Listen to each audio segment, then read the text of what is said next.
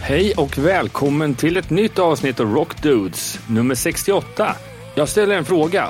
Vilka av våra lyssnare är sugen på att starta skivbolag? Om ni går i funderingarna så är det här avsnittet ett perfekt avsnitt att lyssna på för att få veta lite hur det funkar att driva och sköta ett skivbolag.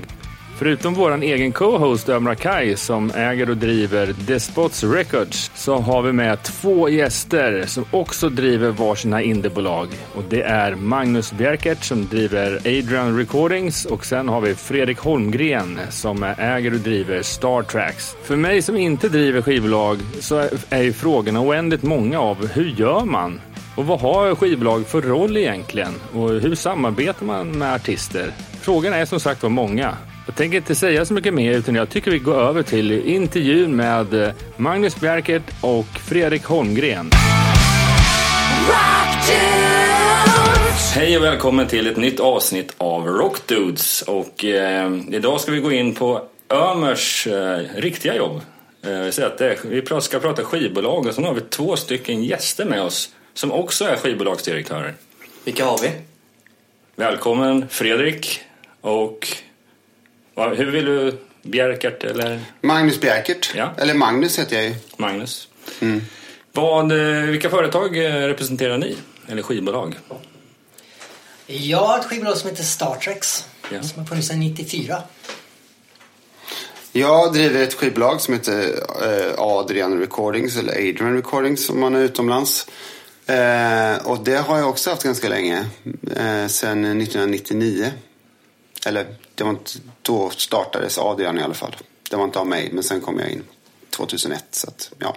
så med det sagt har du jubileum nästa år va? Om inte jag missminner mig. 20-årsjubileum nästa år. Mm. Shit. Och, jag har 25. Har, mm. Det har det. Ska ni fira ihop eller har ni ja, någon plan? Ska vi inte. Nej, han vill inte. Jag sträckte ut en hand där. Nej, jag håller mig till eh, de i min egen ålder. Men har, har ni haft så här, typ 10-årsjubileum en gång i tiden och sånt där? Ja, jag kommer ihåg när jag tänkte på det. Då var då kollade jag hur länge jag hållit på nu egentligen. Och då var det 11 år, så då var det för sent.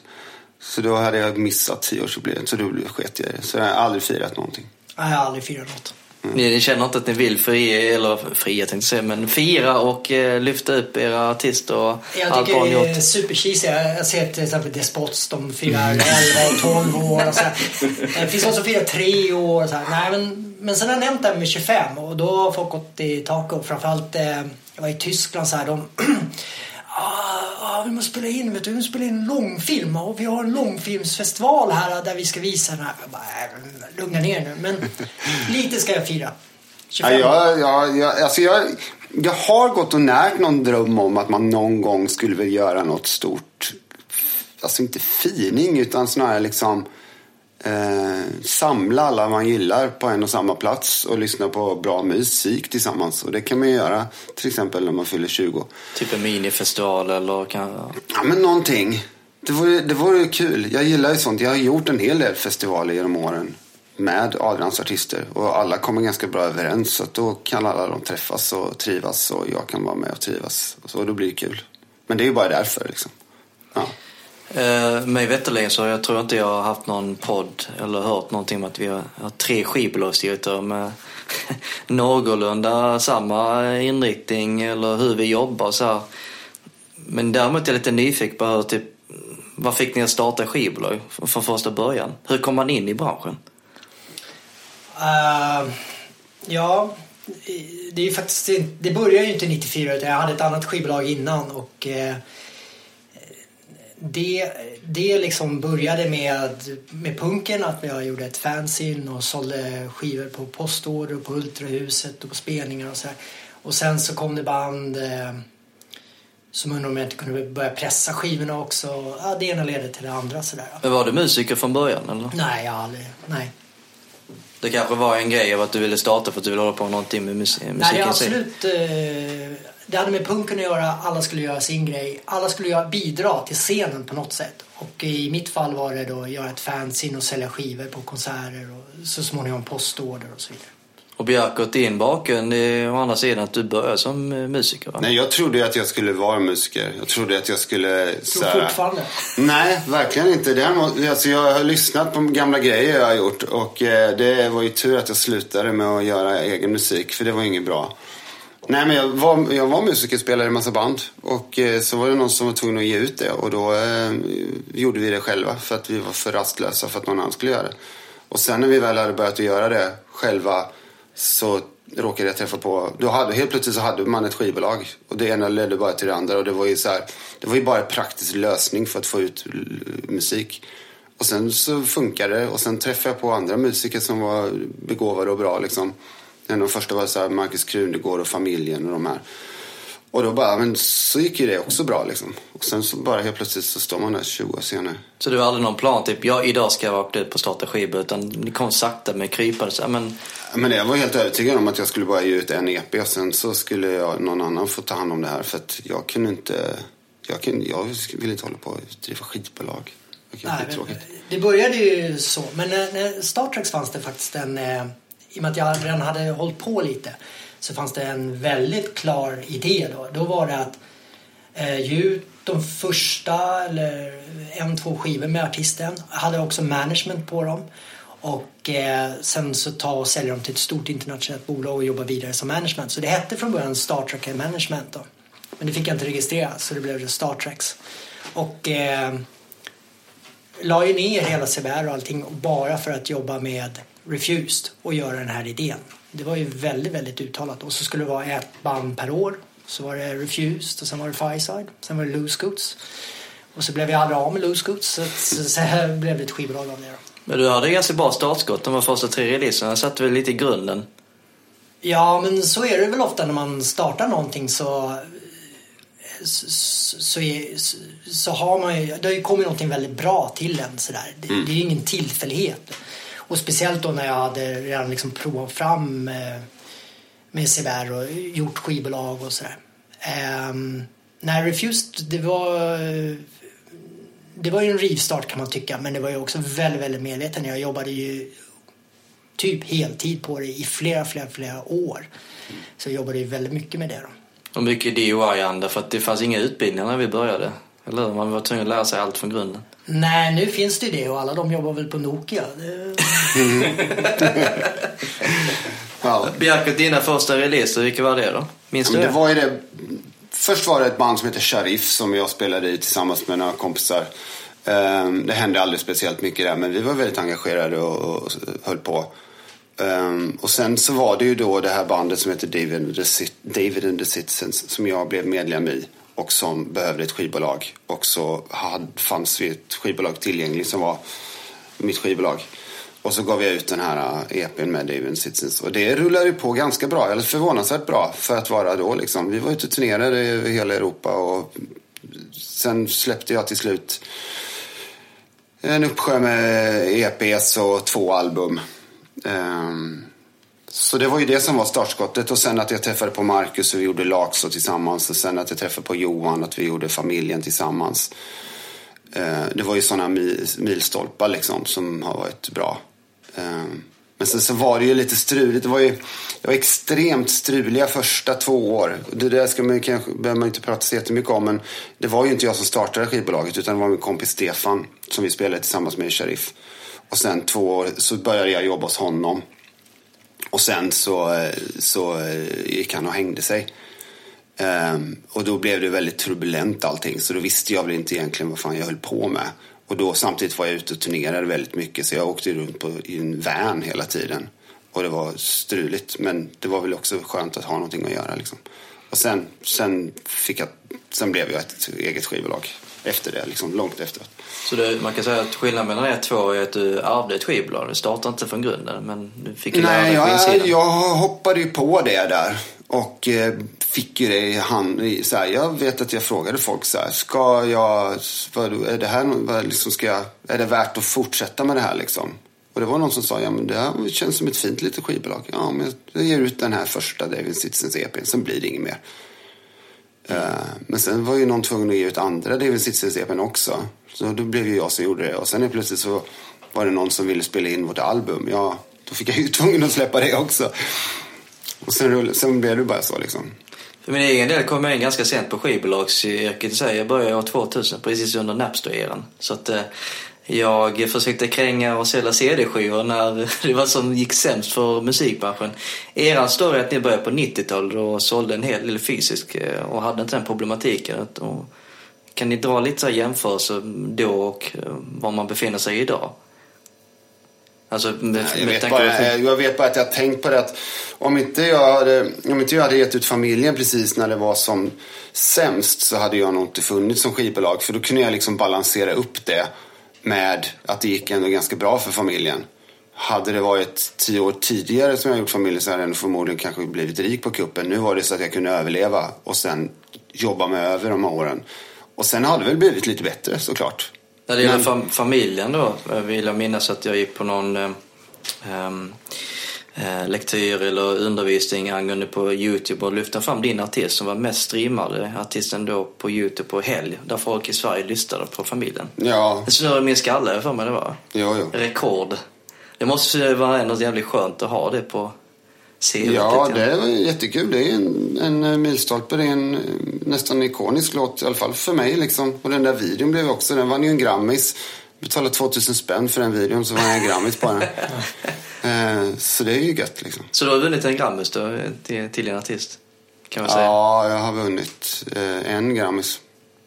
Så kanske det är den enda, I don't know. Jag Ja, minns ja, faktiskt jag har inte. aldrig vunnit någonting. Är det Ja, jag har så- också en Grammis då, så det är 1-1 här. Ja, Kampen det- fortsätter. jag var De är rätt fula några nu för gånger. tiden. De är ju snygga då, då men jag, jag kan tänka mig att ta en till. Fred, vad fick du för något då inom... Fireside, do not take it. Ja. Var det det stoltaste ögonblicket i LA när ni fick en Grammis? Nej, Nej. verkligen inte. Vad vill ni minnas vad det stoltaste ögonblicket var? Släppa första skivan eller eh, andra? Ehm, ja, men det finns många, men jag tror inte att de är så självklara så att det är liksom eh, där folk tror att det är vid någon peak sådär. Eh, jag kan ta ett exempel. Kristoffer Åström, Northern Blues. Vi höll på med den i tre år. Han skulle slänga den, han ville inte göra klart den, han ville gå vidare och göra nya grejer och sådär. Bara, nej, vi måste göra den här. Eh, och jag tycker att det är en helt fantastisk skiva, ett jättefint omslag, allting är jätte, jättebra på den. Och den kampen att verkligen få till den. Det är mer sådana saker som, är, eh, som man minns med jätte, jättestor stolthet. Då. Men tre år, är inte det lång tid om man kollar på dagens mått? Sitter och håller på Ja, det var, men ja, det var så mycket konstigheter med den inspelningen. Och det, ja, det var mycket som gick fel och bla bla bla. Så här. Han, han var på väg att ge upp flera gånger.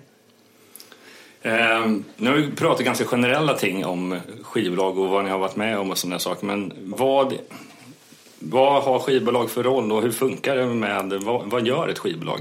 Skulle ni kunna, Hur långt var det här programmet sa du? ja, hur långt vill du ha det? ja, men, ja, men om man försöker åtminstone på något sätt summera. För att menar, skivbolaget är en ganska central eh, del av en artist. Sen är det en massa andra eh, grejer runt omkring också. Men eh, Men ja, den rollen har ju förändrats jätte- jättemycket. Mm. Förut så var det ju väldigt mycket pressa skivan, distribution, se till att få ut det fysiskt. Det var liksom det centrala i ett skivbolag. Då, då. Idag, jag vet inte, jag ser mig nästan som en coach. Ja, det skulle jag säga också. Alltså... ehm, ja, alltså coach, någon, alltså, alla artister tror jag behöver liksom någon att luta sig lite mot. Och det, skulle, det behöver inte vara skivbolaget. Men det kan mycket väl vara det. Och I mitt fall har det varit det, för jag jobbar väldigt nära med en artist. Jag är liksom, det är mina medarbetare, det är mina kollegor i det som jag gör och vi gör det tillsammans. Och när vi kan liksom kolla varandra i ögonen och liksom få ihop det och få ihop en produkt som vi är stolta över och så här, då, då, då, då tror jag att det kan bli bra. Eh, och sen är det ju allt det praktiska, allt admin, allt, eh, ja, visst, visst, såklart distribution också, även om den ser annorlunda ut idag. Liksom.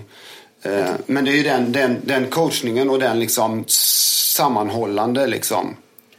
Ja, och att eh, det går inte att skilja ut så tydligt att ja, men jag gör bara en fysisk produkt. Utan man jobbar med artist och då gäller det att coacha artisten, eh, jobba med deras kanaler, eh, se till att helheten sitter ihop, eh, det är spelningarna, all, alla grejerna måste finnas på plats. Jag antar att det kanske är sånt som många managers gör. Men nu är det väl Det, så att... det skulle eh, kunna ja. vara någon annan. Eh, Men å andra sidan så finns det inget fel i att vi gör det för vi är extremt duktiga och det är Mm. inte svårt för oss att lyfta in de andra delarna också. Fast de andra delarna får ni inte betalt för. Men ni gör ändå den grejen eller? Nej, alltså jag, mm, jag har ju begränsat min verksamhet till att bara jobba med liksom så kallad eh, mastersidan, inspelad musik och, och, och exploatering av, av inspelad musik i alla dess former, liksom eh, digitalt, skivor, synkar och allting sånt. Det vill säga jag jobbar inte med förlagsverksamhet, jag jobbar inte med liveverksamhet. Men det är egentligen mest bara för att jag känner att jag har eh, så jävla mycket att göra. Och eh, också för att jag känner att sälja, sälja band som en, en, en agent, det skulle jag inte orka och palla. Det verkar skitjobbigt. Och eh, förlagsverksamheten, så visst, så länge jag klarar mig och det går runt så har jag inga större anspråk för att ta den kakan av också. För att jag vet att då måste jag bidra med någonting. Jag vill kunna lägga någonting på bordet till mina artister och säga att jag vill inte bara ta en kaka av era intäkter utan jag vill också liksom i så fall bidra med någonting. Och jag kan inte för närvarande i alla fall eh, jobba mer och göra mer än vad jag kan. Det är lite så. Det är, det är kanske lite trist och inte så affärsmässigt sätt att se på det men, men det är så som jag resonerar i alla fall. Nej, jag, jag tänker när jag säger coachning då, då kanske hjälper dem med kontakterna att få en boknings, ett bokningsbolag. eh, Mm, det men så. också att sköta sin eh, social media till exempel och hur man gör det på ett bra sätt. För att det är nog viktigt eh, som händer nu. Det är att har man, plockar man ut eh, bitar ur den här tårtan då funkar det inte. Man måste ha hela cirkeln. Ehm, och man kan göra till exempel social media på olika sätt. Men, men det går liksom inte att ignorera en bit och bara, "Nej, det där är inte det där, är, det där håller inte jag på med. Och ehm, här Nej. hänger inte alla artisterna med och det krävs mycket coachning. Ja, ja jag, jag håller helt med dig. Men jag kan också se att jag skulle vilja att det finns en, en, eh, en plats för artister som inte är liksom sådana som är lika tillgängliga som sociala medier. Eh, Jag tycker inte det ska behöva vara nödvändigt att en artist måste vara väldigt aktiv på, på sociala medier. Man göra Men däremot kan man sätt. göra precis som du sa. Då kan man göra det på olika sätt. Bara att man har någon typ av Och tanke man, liksom, man det. uttalat och att man har en gemensam tanke, en röd tråd som alla jobbar Mm. efter. Då kan man jobba på jätteolika sätt. Exakt, det är så. Det handlar om att konstant också vara med i gamet och ut, alltså utbilda, utbilda ni er, eh, har ni gjort som ni alltid gjort med att lära er själva och hitta er en egen modell så att säga. Mer, mer nu än någonsin tycker jag. Eh, så har man försökt sätta sig in i olika saker. Ehm, ja, mer nu. Men så, så ge ett exempel, vad är det ni försöker eh, förbättra eller lära in? För min egen del så har vi svårt att hänga med med alla nya tjänster som kommer ut och ploppar upp. Det är alltifrån eh, ja, men hur maximerar man på Facebook-annonser. Det kommer någon ny plugin var, varje vecka känns som. Ja. Så att allt med den här internetgrejen har ju gått väldigt snabbt att få så att det är eh, tufft att eh, hänga med. Men det är vår utmaning kan man säga. Det finns ju jättemycket möjligheter. Men det är ju som du sa också, det är ju otroligt tidskrävande. Eh, det är ett himla duttande. Det är liksom, det är, jag brukar säga det är jättemycket sådana här, det tar bara en kvart. Men nu det är ju tusentals med sådana, det tar bara en kvart grejer. Men jag upplever ibland att hela arbetssituationen, den dagliga driften, det man gör är saker som typ tar en kvart staplade på varandra hela tiden. Liksom. Ja. Det är exakt det man gör hela tiden. Och av varje enskild sak kanske inte är så eh, jätteviktig. Men samtidigt är den också sjukt viktig. Så det är så här, man kan tappa bort en liten, liten detalj och då är det något som faller liksom. Det, Men- det, det du säger nu där, att det finns ju inte en nyckel till hur man säljer en skiva. Utan det är ju väldigt mycket gnetande idag då. Ja, det är det. det Och hålla på säga. lång tid Enträgenhet och sådär. Och det är ju det som jag känner att jag är eh, kanske bäst på. Att vara envis jävel liksom. Bara jobba på. För, för det är en positiv sak att idag så... ehm, Förut så hade en skiva ett liv på kanske 14 dagar. Nu kan du ju hålla på i två år. Och du kan liksom... Enträgenheten, heter det så? Kan vinna. Man, kan, man, kan, man kan mala ner motståndet.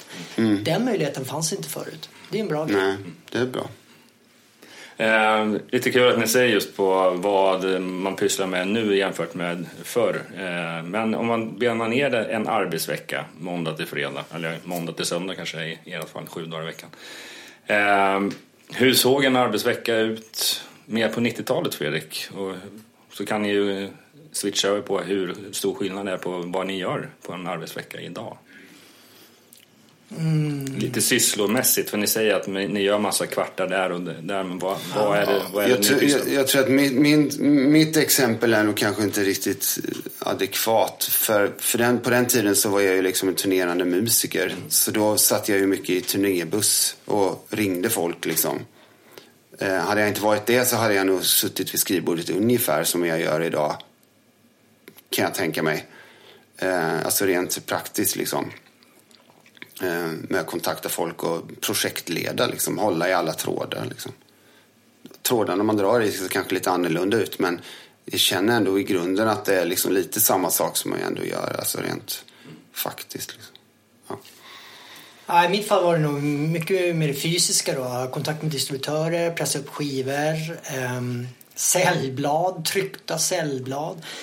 Eh, och turnéer. Men det är också lite med banden då. Alltså Refused var ju en maskin så de gjorde väl 400 spelningar per år och sånt Så äh, hålla, hålla på lite med det då.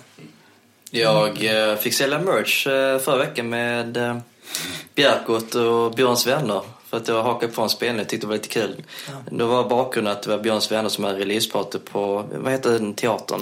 Victoria teatern i Malmö. Victoria teatern i Malmö och jag har inte gjort det på tio år. Det var lite kul. Jag sålde hela 25 produkter. Det kom verkligen säljet in i mig. Så att det, det där ska man göra fler gånger tror jag. För jag tyckte jag saknade Men just att vara med på spelningar och sälja merch. Det, dels så tycker jag att det är en bra tillfällighet att faktiskt kunna kränga lite plattor. För att det är, eh, folk kan många gånger bli väldigt peppade på att ta med sig någonting hem därifrån. Så man har en bra möjlighet att faktiskt dra in lite stålar på det. Sen så är det ju den här gamla turnéådran som kommer i mig lite. Ibland kan jag faktiskt tycka att det är ganska kul att hänga på artisterna och vara med liksom, och ha en uppgift också. Inte bara vara hangaround liksom, utan bara så här, ja men jag tar hand om merchen så gör jag det. Så här. Ja, jag gör det, det så ofta jag kan. Ja, du gör det fortfarande? Ja, absolut. Så ja. ofta jag får. Och eh, som du nämnde där också att man får en uppgift, man har en mm. kontakt med publiken, mm. registrera. Det är liksom, det är på riktigt.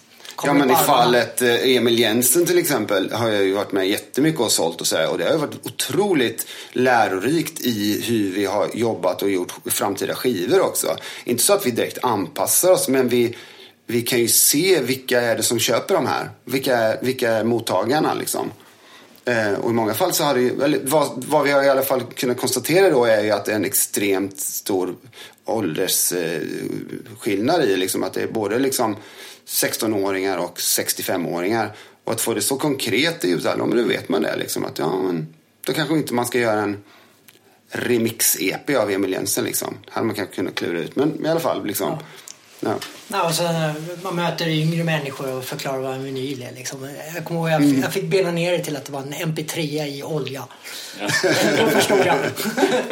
Vinylen är ju tillbaka men något som jag tyckte var lite fascinerande när jag väl sålde de här Björns vänner på det var någon som frågade efter en CD-skiva. Kommer den här på CD-skiva? Jag bara, oj, det har... normalt brukar det vara tvärtom. Finns den här ja. på vinyl? Men mm. Och då var en ganska ung, ja, 30 plus som henne frågade efter det här. Så att man vet ju ändå inte riktigt. Så här, konsumenterna har ju sin bild av vad man vill ha. Men kanske man får ut av det bästa med att sälja merch. Sen eh, när det gäller själva ehm, day-to-day jobb. Hur viktigt är det med budget och kalkyler? Har ni någon form av eh, någon sifferegenskap? Är det viktigt och bra att ha någon eh, i grund och botten någon utbildning eller kan man bara lära sig längs vägen? Eller ska man vara noggrann? Alltså man ska, man ska vara noga med en grej. Man ska skaffa sig om man inte är jätteduktig på det själv ska man genast skaffa sig en ekonom som sköter ens skatter och sådär. Ja, så slipper man, man tänka på det. Eh, men nu ska jag avslöja att jag har aldrig gjort en budget till eh, projekten och sånt där. Utan jag går på mage. Det här känns bra, nu kör vi. Jag, har gjort, jag, har ju, jag gör ju budgetar. Men eh, det är ju bara för att jag ska liksom, eh, nu har jag liksom 15 artister typ. Och bara för att inte jag helt plötsligt ska bli bankrutt så måste jag i alla fall se så att jag har pengar i plånboken. någonstans har jag haft lite så här inför mig själv känslan av att jag kan inte handla för pengar som jag inte har. Så det har gjort att jag också genom åren har varit ganska försiktig. Jag har liksom aldrig tagit ett lån, jag har aldrig, gjort, aldrig tagit ett förskott, jag har aldrig gjort det, utan jag har använt de pengarna som finns på kontot. Men för att jag ska se att jag kan släppa de här tre, fyra albumen framöver så har jag då räknat samman lite. Har jag så mycket pengar på kontot? Typ? Ja, men då väger jag, ja men då kör vi. Eh, och sen att jag, eh, eh, jag kan nog nästan med gott samvete säga att jag har aldrig kompromissat med artistens eh, eh, konstnärliga ambitioner. Jag tycker det är det mm, som är bland det roligaste med det hela. Att vi liksom tillsammans försöker nå dit som den här visionen eh, har kommit ur. Och, och, och, om det ibland kostar lite pengar så får det väl göra det då. För att både jag och artisten är så nyfikna på att se var vi kan ta det här rent konstnärligt. Liksom. Kom, hur kommer det här låta om vi förverkligar de här idéerna? Liksom? Och det tycker jag annars... Alltså gör någonting som känns halvhjärtat, rent musikaliskt och sen promota det och ge ut det. Jag tror varken artisten eller jag skulle känna att det är, är, är gött liksom. Men där skiljer ni åt lite grann. För Fredan, du säger att du kör inga budgetar men Nej. du har ändå koll på hur mycket du har i banken så att Nej, säga. Men då, då finns det ju en skillnad då, då. Han sover ju gott om nätterna. Jag har ju, jag har ju tagit förskott, jag har tagit lån, jag har varit nere för räkning. Eh, jag har många stories på hur jag liksom dribblat med folk och löst det så småningom. Men, eh, men är det bättre på det sättet? kommer för mig med alltså. men okej, okay, där skiljer sig lite igen. Det har alltid dött sig. Men skillnaden är att du sover gott om nätterna Bjerkot och Fredan sitter ute på nätterna. Aldrig. Det är till samt, alltså det är pengar jag oroar man sig hela tiden för. Det är skitjobbigt. Tycker jag. Men det är ju ett nödvändigt ont. Liksom. Men är det bättre idag när ni har det i, i bakhuvudet? Att ni har gjort alla de här åren? Men... Nej, det är samma. Det är samma grej? Nej, det är nog samma. Ni vill inte ändra på, på sättet att jobba heller? Eller lite skönare? Fredan, du har ju en annan eh, grej här. I de här dagarna har du ju faktiskt eh, gått in i ett samarbete med ett annat större skivbolag för att växa mm. lite grann. Ja. Det kunde du jättegärna utveckla lite grann vad, hur det kommer sig med tanke på hur du jobbat innan. Ja, eh, det hör väl ihop ganska mycket med det här med kvartarna vi pratar om. Jag tycker att man duttar runt för mycket och eh, jag har alltid jobbat själv. Jag har provat att ha anställd någon gång så men det har inte gått så bra. Så jag har valt att göra det själv och så hyr jag in folk för olika saker. Men det är alldeles för mycket duttande med små jobb ehm, och jag ligger på någon mellannivå i omsättning där. Alltså, det är liksom det blir bara precis. Så det, eh, antingen så var det att steppa ner och göra det på sin fritid eller steppa upp. Och nu, nu har jag valt att samarbeta med Playground och där kan jag lägga ut en del jobb som gör att jag kan fokusera mer på artisterna och därmed också göra det bättre men också lyfta in några nya, större. Och det är det som kommer hända nu då. Lyfta omsättningen. Precis. Eh, ni har ju nämnt lite band som ni har jobbat med och vilka var breaking point och sånt. Eh, men hur mycket jobbar du med att få in nu jobbar ju du utvecklingen på att växa och kunna ta in nya band men ni har ju ändå en kvotband som ni jobbar med och som har sina releasecykler och, och, och den biten. Men eh, hur jobbar ni med för att få in nytt, nytt blod i, eh, i listan så att säga? För min del så kan jag känna att det är, jag gillar verkligen att jobba med debuterande artister. Jag tycker det är svinkul att ta de första stegen liksom. Eh, men det behöver inte alltid vara helt nya artister utan det kan ju vara artister som jag har lärt känna på andra sätt. Ehm, det är inga, det är inga, det lider ingen brist på att hitta bra kreativa människor som gör bra saker. Det finns liksom gäng med folk som, det händer så mycket så det liksom bara brinner hela tiden och då blir jag väldigt sugen på att gå in där och försöka få ihop det här till en hanterbar form. För ofta är de här människorna ganska flummiga och eh, ostrukturerade och det enda de har är liksom någon typ av så här eh, energi liksom. Och den där energin är jävligt häftig att vara med i liksom. Så att, eh, ja men gänget kring bandet Ra som jag har jobbat med ett tag. De har ju hur mycket sidoprojekt som helst och jag ska släppa ett nytt eh, projekt ifrån dem nu om några veckor som heter Need for Speed. Släpps sin första singel och eh, jag bara känner att jag ville vara med i den här kretsen liksom. Och vi vill bara försöka hitta sätt att få det här ut Så, ja, så det hitta nya artister. Men jag, där är ju återigen så här, jag hittar inte artister för jag tror att de ska sälja eller göra någon rik eller så. Jag gör det bara för att jag får feeling och för att jag vill vara med och känna på framåt andan liksom. Kraften i liksom det här. Men du är lite figur i Malmö, så lite kulturhjärna och dammsugit nästan alla talanger där och nere i Skåne. Ja, vet jag inte. Men vadå, det är inte så konstigt liksom. Malmö är en bra stad att hitta bra folk i. Som, för, att, för att det finns inte så många skivbolag som tar hand om det. Och eh, jag fick ju, det fanns och finns väldigt mycket bra musik i Malmö. Men det finns ingen som tar tag i och gör någonting. För Malmö är en speciell stad. Alla musiker där, eller känslan av Malmömusiker är ändå att de behöver inte komma så mycket längre än att stå på Norra Grängesbergsgatan och spela för sina kompisar. Det är good enough liksom. Mm. De strävar inte mycket längre, men de är svinbra. Då blir jag frustrerad och blir så här, men för helvete, kom igen nu. Nu måste vi ta det här någonstans. Och då känner jag att jag kan vara den amplifiern som kan liksom hjälpa till att få det att gå vidare. Och det har ju hänt med många bra band som This is Head och MFMB och RA. Och, eh, lite sådana band som jag har jobbat med som ändå har liksom lyckats att ta sig ifrån Malmö-scenen bara. Liksom. Men också ganska mycket sådär att eh, det knoppar av sig och så blir det, man, man fortsätter ju jobba med dem man redan har jobbat med. Men nu har jag tittat ganska mycket på leta upp artister och eh, eh för att få ett intressant bolag. Att de ska ha en viss variation sådär. Tänker du någonting på det? Eh, att, det har blivit en väldigt naturlig variation på på Adrian genom åren. Är det tillfälligheter eller tänker du så här, men jag, jag skulle verkligen behöva en eh, kvinnlig singer-songwriter nu och så har du letat efter det? Ja, lite. Mm.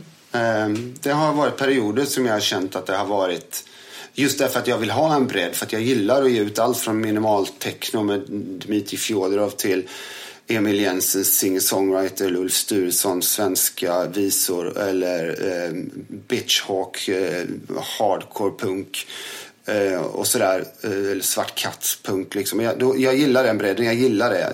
Och då har det varit perioder som jag har känt att jag så här, och som du säger också eh, få in eh, mera tjejer som spelar och det är jag gärna med och försöker aktivt eh, jobba med dem.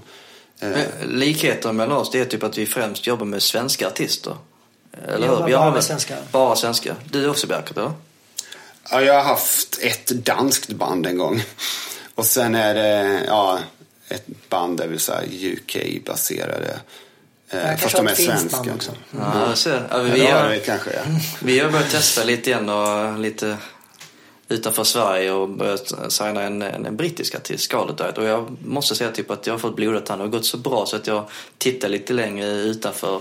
Alltså bra talanger, bra talanger. Jag tror man kan göra ganska bra ifrån här i Stockholm. Eh, exportera musik. Så att för vår egen del så kommer du att signa lite mer utländska artister. Men med det sagt, ens egen identitet, skivbolagen. Mm. Har ni någon sån?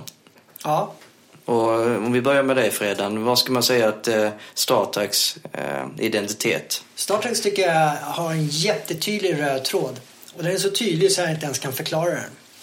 Eh, jag, jag tycker, det blir ju också ganska naturligt i och med att det är bara jag och det är bara jag som signar. Men jag tycker eh, det finns ju några sådana självklara saker som man kanske ska lyfta fram. Att det är riktiga artister, de spelar själva, skriver sitt eget material och eh, kan spela live.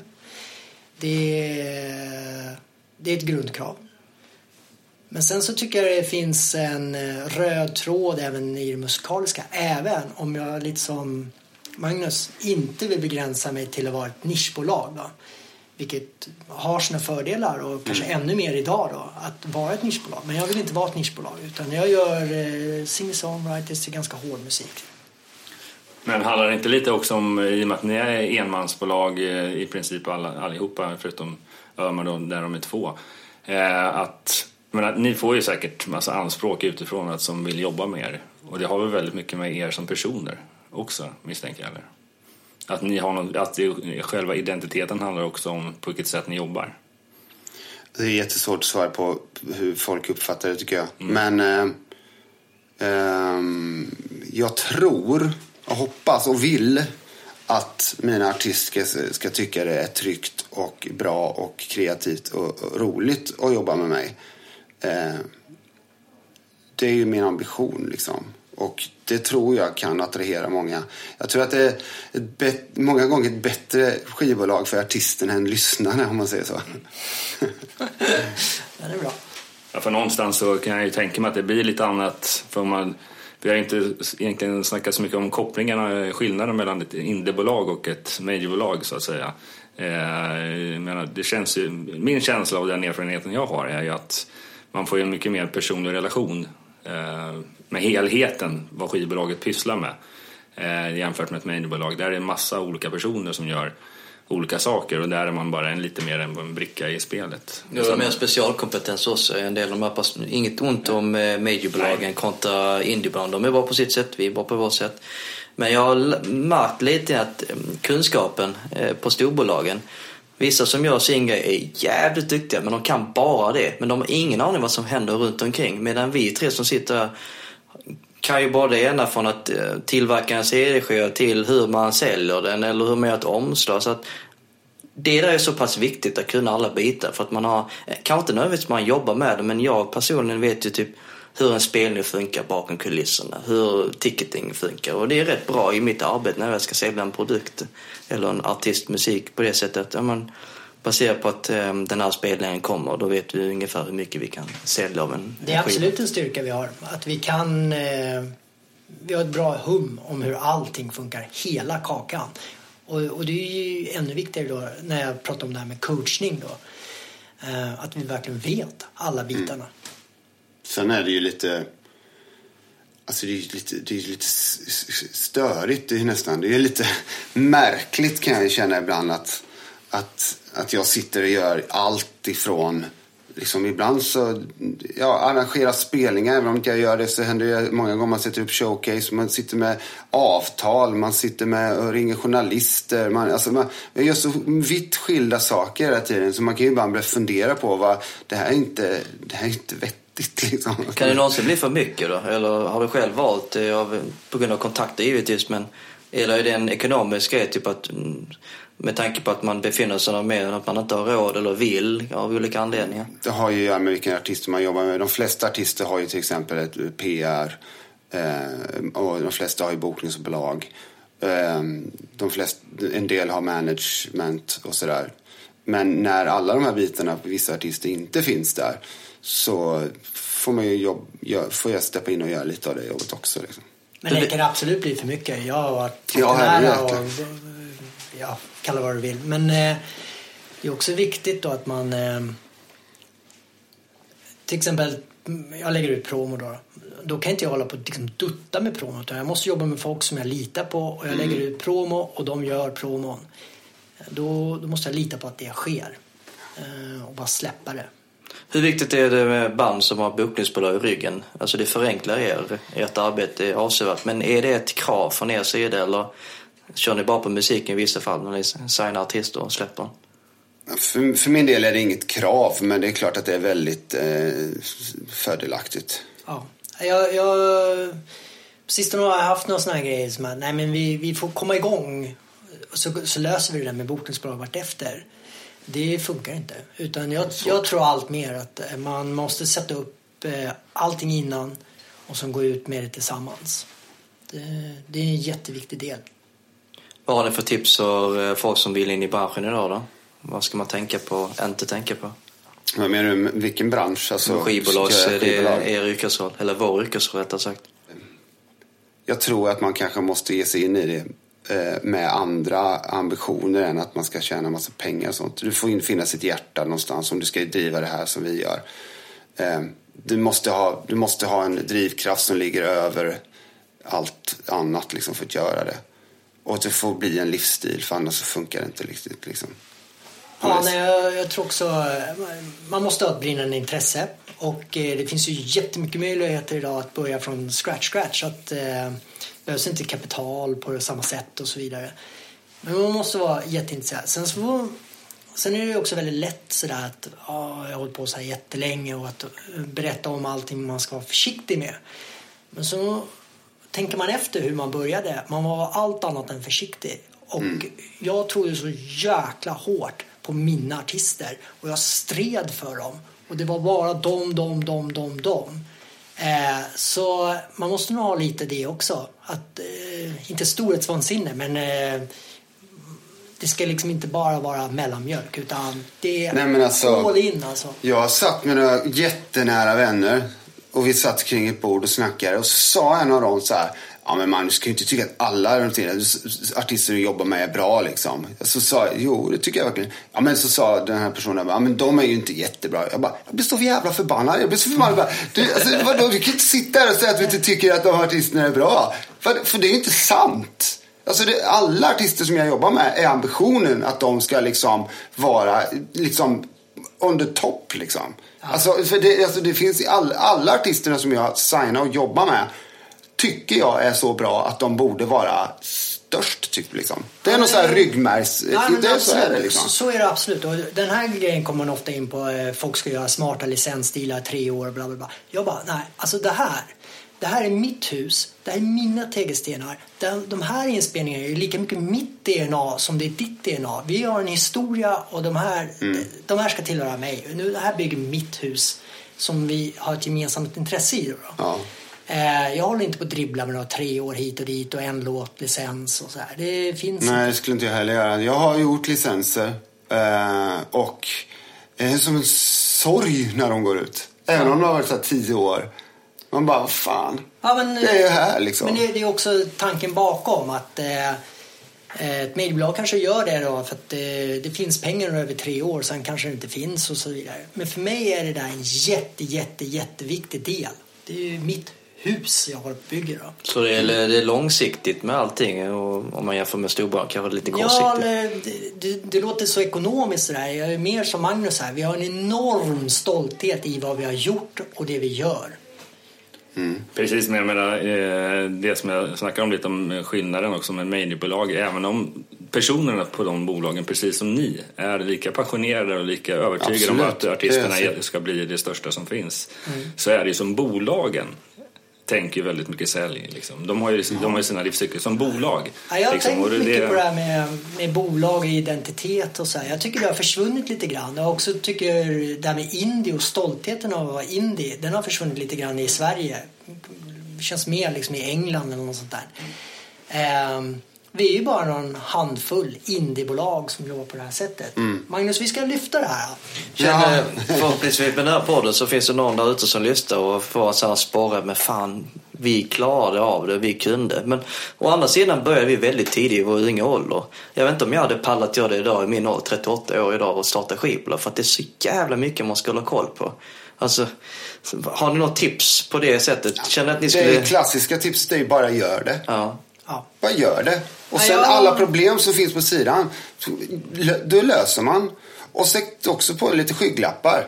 Och bara gå. Som liksom, gå dit, det, good vibes liksom. Är det bra, gå ditåt. Ja. Det som jag kan känna lite ibland, och det här kan jag ta med mig från min egen bransch, jag som jobbar i IT-branschen normalt sett, är att ett problem här i Sverige generellt sett är ju att man, man är rätt öppna mot varandra och kan klappa varandra om ryggen, men när man väl ber om hjälp ibland så tycker inte jag det, är- då är det rätt mycket eh, hit men inte längre. Jag känner inte alltid att man kan alltid sträcka ut handen. Just som du säger, om man ska starta ett bolag så krävs det att man har åtminstone en personlig mentor nästan liksom, som, kan, som man kan ställa frågor till. Eh, hur funkar det i... Nej, jag tycker... Har ni fått den hjälp ni behöver längs vägen så att säga? Jag försökte, jag sökte ut en hand till Fredan när jag skulle flytta till Stockholm, jag fick nej. Ömer är ju alltid Ömer. Ja, Det finns en lång stor, stor, eller inte lång, men jag vill ändå lyfta fram för våra lyssnare kan inte ha hört det. Eh, när jag var 24 och hade jobbat fyra år på skivbolagsgrejen, eh, eget då, så sträckte jag ut en hand och frågade F- Fredda på Startex för att jag var så imponerad av Refused och alla hans artister han jobbar med. De, han var den faktiskt som den enda som svarade och sa typ du, uh, tror du det går fett eller? eller något sånt där liknande. Det finns inte knappt råd att betala mig själv. Och han, han sa inte på det sättet, men det var ganska ärligt. Ehm, och då fick jag reda på den, den hårda verkligheten i, i princip. Att ja, men, det är ingen som kommer hjälpa dig utan du måste ju köra din egen väg. Sen har man ju självklart mentorer och lite där som man ser upp till. Så Fredrik, jag såg upp till dig för att du gjorde det. Fortfarande idag. Alltså, Det är klart att det, jag tror nog man kan få hjälp av varandra. Jag tror man hjälper varandra också. Jag tycker inte, framförallt så tycker jag inte det finns någon direkt konkurrens mellan, mellan folk heller. Och, eh, Eh, men sen är det ju det gärna, jag, kan ju också, jag har hållit på så pass länge att jag förväntar mig inte att någon ska göra mig tjänster. Jag har utnyttjat alla mina tjänster som finns genom åren. Alltså man kan jobba tillsammans, man kan göra saker. Men till och med mina bästa kompisar som, som sitter och gör liksom små social media-grejer vill jag ändå ge lite pengar för. För jag vet ju liksom att alla jobbar med det här professionellt ändå. Att gå omkring och be folk om tjänster hela tiden, det, den tiden är lite över. Liksom. Har ni någonting ni ångrar under alla de här åren som ni kände typ fan om jag hade signat den här artisten så hade jag kanske inte varit här utan jag varit i Bahamas och druckit en pina colada. Så. Nej, jag ångrar ingenting.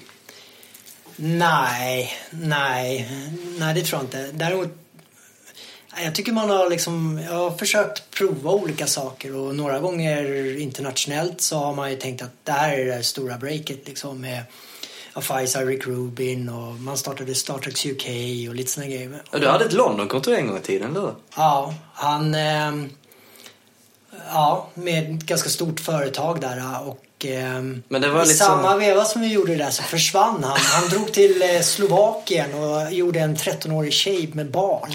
Fan. Det är ju sånt som man inte kan eh, försäkra sig mot. Men eh, det var ett bra upplägg. Jag har ju andra grejer där jag eh, kan, kan, kan berätta så här, en liten story. Typ att, så jag i min tidiga ålder när vi bedrev eh, skivbolag 84 tackade nej till Mumford Sons. Innan de blev signade till eh, storbolaget i England. Ja. Det var min största fadäs kan man säga. Alltså, jag vet inte riktigt om det går att säga så. Liksom, det, saker blir ju som de blir. Jag jobbar på mitt sätt. Jag jobbar med de här artisterna. Vi formar ju varandra. Liksom. Hade jag signat något artist som idag är svinstora så är det inte säkert att det hade blivit på det viset heller. Um, det är svårt att se att det skulle vara på det viset. Jag menar, jag vet bara att nu är det egentligen inte det som du sa, men jag minns att jag tänkte på det när jag fick, eh, jag hade just gett ut Bärkortets två sista plattor. Snackade, snackade jag och Matti om att han hade gjort solo, eh, en soloplatta. Han hade ju släppt tidigare soloplattor också, men, men han hade en ny soloplatta på gång i alla fall. Och jag fick den där, jag tyckte den lät svinbra och var lite sugen på att göra det. Men sen så bara kände jag att det här kan inte jag göra på bästa sättet. För att han hade en så mycket större litterär ådra i det där också som jag inte riktigt kände jag kunde ta, ta tag i.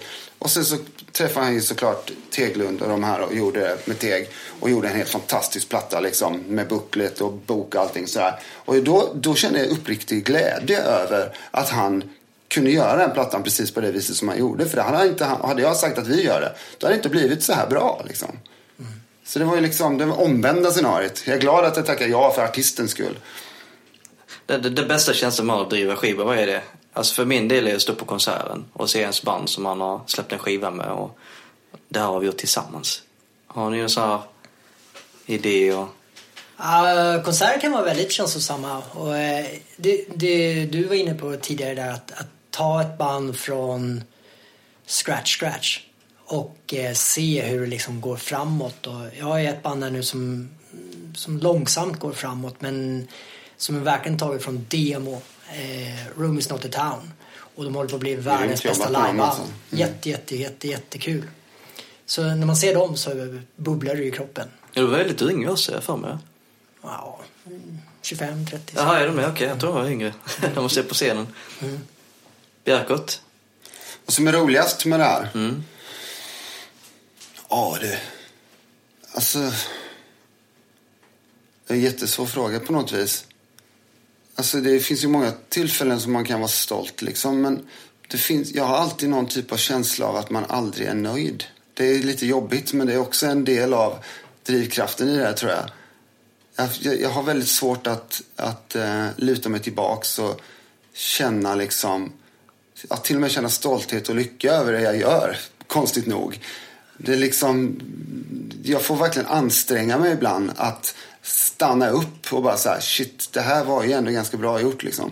Ja, det- Men rent allmänt så är det liksom, är, är, det väldigt svårt. Det är liksom bara, det är nästa release, det är nästa, det är så här, det är hela, jag lever liksom hela tiden ett halvår, år framåt i tiden. Det kan liksom. kännas som en eh, normal rutin vardag nu. Man har glömt till stanna tillbaka. Och... Nej, det, verkligen inte. Verkligen inte. Men eh, det där har jag funderat mycket på. Man ligger ju kanske ett halvår före i planeringen då. Så när skivan, när skivan släpps, Ja. Så är man ju någon annanstans. Så får man bra recensioner så tänker man, ja men det var ju självklart för det är ju en helt fantastisk platta. Det är klart att de får bra recensioner. För en dålig recension så blir man skitförbannad. Eh, men sen så skakar man av sig det så går man vidare i alla fall liksom. Utan man stannar liksom aldrig upp. Men jag har försökt stanna upp lite där vid till exempel releasen för det är ju, det är ju en, eh, det är en milstolpe. Den, den är ju för alltid där. Ehm, absolut. Och jag försöker verkligen att, nu har jag många releaser och man jobbar med mycket artister och så här, men det är jävligt viktigt att man liksom, artist och bolag och alla inblandade stannar upp vid när det här liksom, vi måste ju betrakta det här som ett konstverk. Det är någonting som är jäkligt viktigt liksom. Ska du, du måste ge ut den här, då måste man göra det på rätt, på, vara stolt över det. Så det kan det vara bra liksom, även om det inte man har en stor releasefest, bara sätta sig ner och ta en middag tillsammans. Och, och liksom fira att man har gjort det här. Jag tycker det, är sånt, det kan vara väldigt viktigt. Nej, det, det, det här summerar det jättebra. Att vi, vi, vi är inte ett skivbolag. Vi, vi har inte pratat om pengar en enda gång här. Utan vi, det här är ju våra barn som vi försöker få växa upp och bli, ja, få ett bra liv. Och det är Ja. väldigt, väldigt emotionellt det här. Absolut. Hur, hur ser framtiden ut? Vad, vad vill ni uppnå? Fler barn. Ensam vårdnad. Nej, jag... Eh, 2018 är nog kanske det året som jag kommer släppa mest musik i hela 20-årskarriären. Är det en tillfällighet? Eller? Det är en tillfällighet.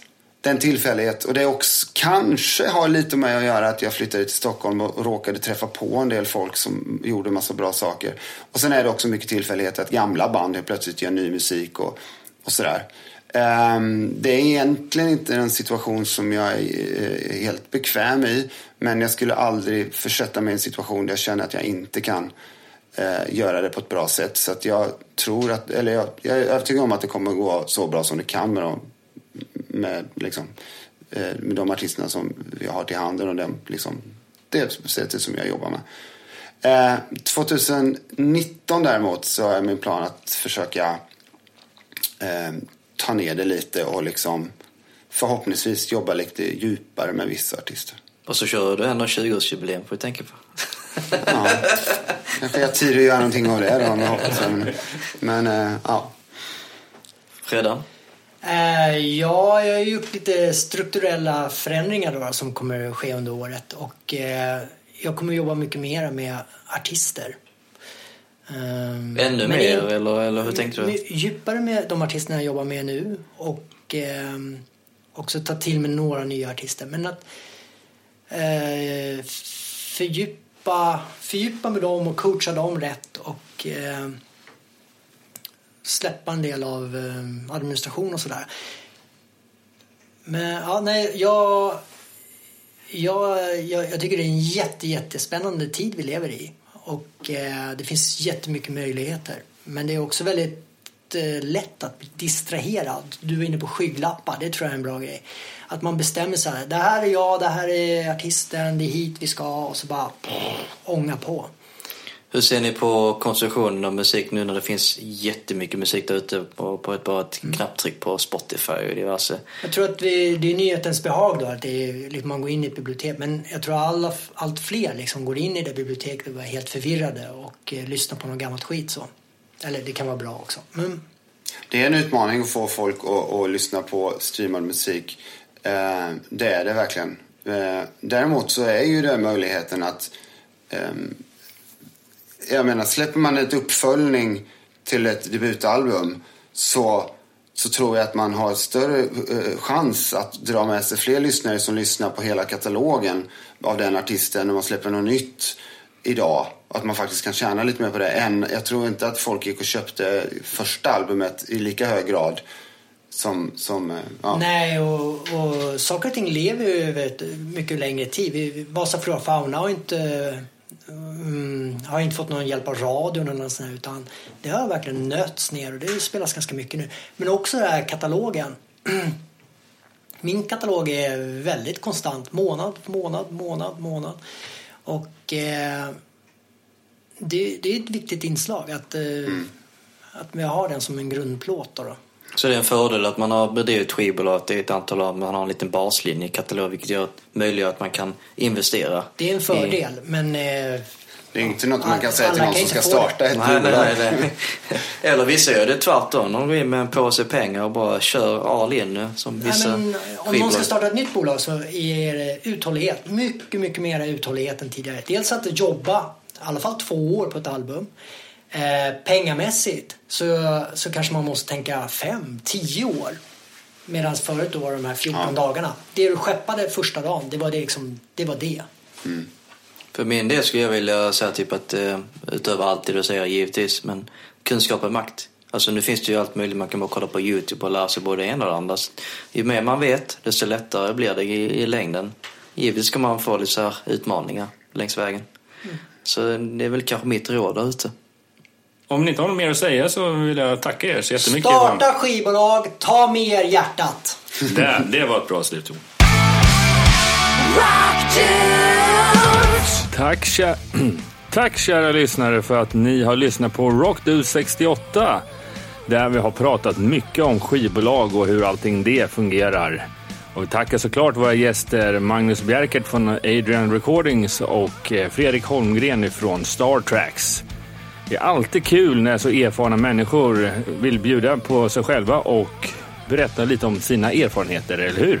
Vi vill såklart tipsa er att följa oss på sociala medier som Facebook, Instagram, Twitter och Youtube. Sök på Rockdudespodden. Du finner även all vår information på vår hemsida rockdudes.se. Vi vill gärna att ni går in på vår Facebook-sida och skriver lite kommentarer vad ni tycker om just det här avsnittet eller vad ni tycker om våran podcast. Vi vill gärna få in drösvis med tips om vilka ämnen och vilka gäster ni vill ska vara med i våra framtida avsnitt av Rockdudes. Gingen är inspelad av Jonas Hermansson, Peter Månsson och Mia Coolhart.